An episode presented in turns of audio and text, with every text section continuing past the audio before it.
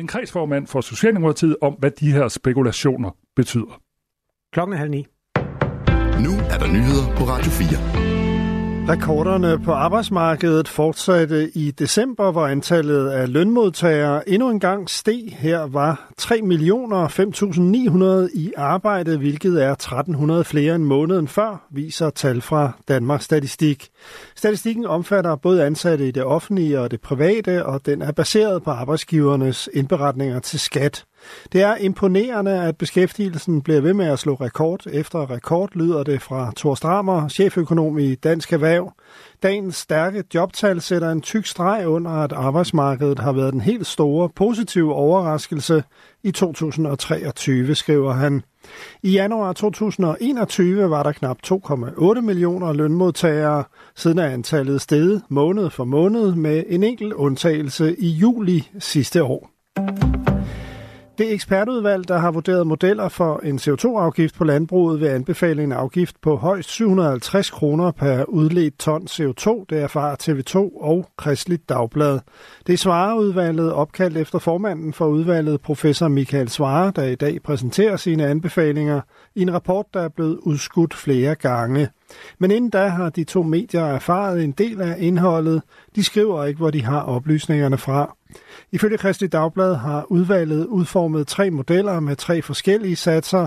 Den højeste sats er 750 kroner, mens de to andre ligger på henholdsvis 350 og 150 kroner per udledt ton CO2.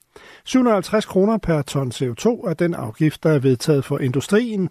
Miljøøkonomisk vismand Lars Gården Hansen siger til TV2, at en afgift på 750 kroner per ton vil kunne mærkes på CO2-udledningen. Jamen, det vil have en betydelig effekt, altså give et øh, kraftigt incitament til, at landbruget reducerer CO2-udledningerne. SVM-regeringen har i sit regeringsgrundlag varslet, at der skal laves en CO2-afgift. Den har været stærkt omdiskuteret, og blandt andet har flere i Venstres bagland talt imod. Fra landbruget har der været bekymring om, at en CO2-afgift kan føre til tab af arbejdspladser i landbruget, hvis produktionen flytter til udlandet. Men det vil ikke ske, og alternativet er værre, siger den miljøøkonomiske vismand til tv-stationen. Det er vigtigt at, at, at være, være klar på, at de bliver ikke sendt ud af landet. De bliver sendt til, til byerne i Danmark. Øh, og hvis man ikke får de relativt billige reduktioner, som ligger i landbruget, så skal det tages dyre reduktioner andre steder i samfundet. Og så kommer vi til at sende arbejdspladser ud af landet. Rapporten bliver fremlagt i dag kl. 11.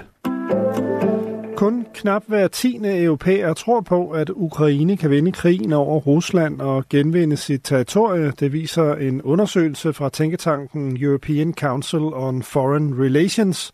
Støtten til Ukraine er fortsat høj, men de fleste adspurgte, 37 procent, tror, at krigen vil ende med en form for kompromisaftale mellem Rusland og Ukraine. 20 procent tror på sejr til Rusland.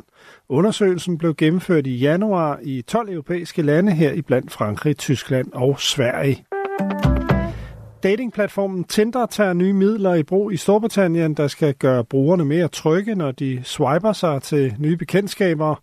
Fremover kan brugerne frivilligt lade appen ID-tjekke dem ved at sammenligne en video af dem med billeder fra deres pas eller kørekort, det skriver BBC. Brugere, der har lavet sig tjekke, vil få et vandmærke på deres profil.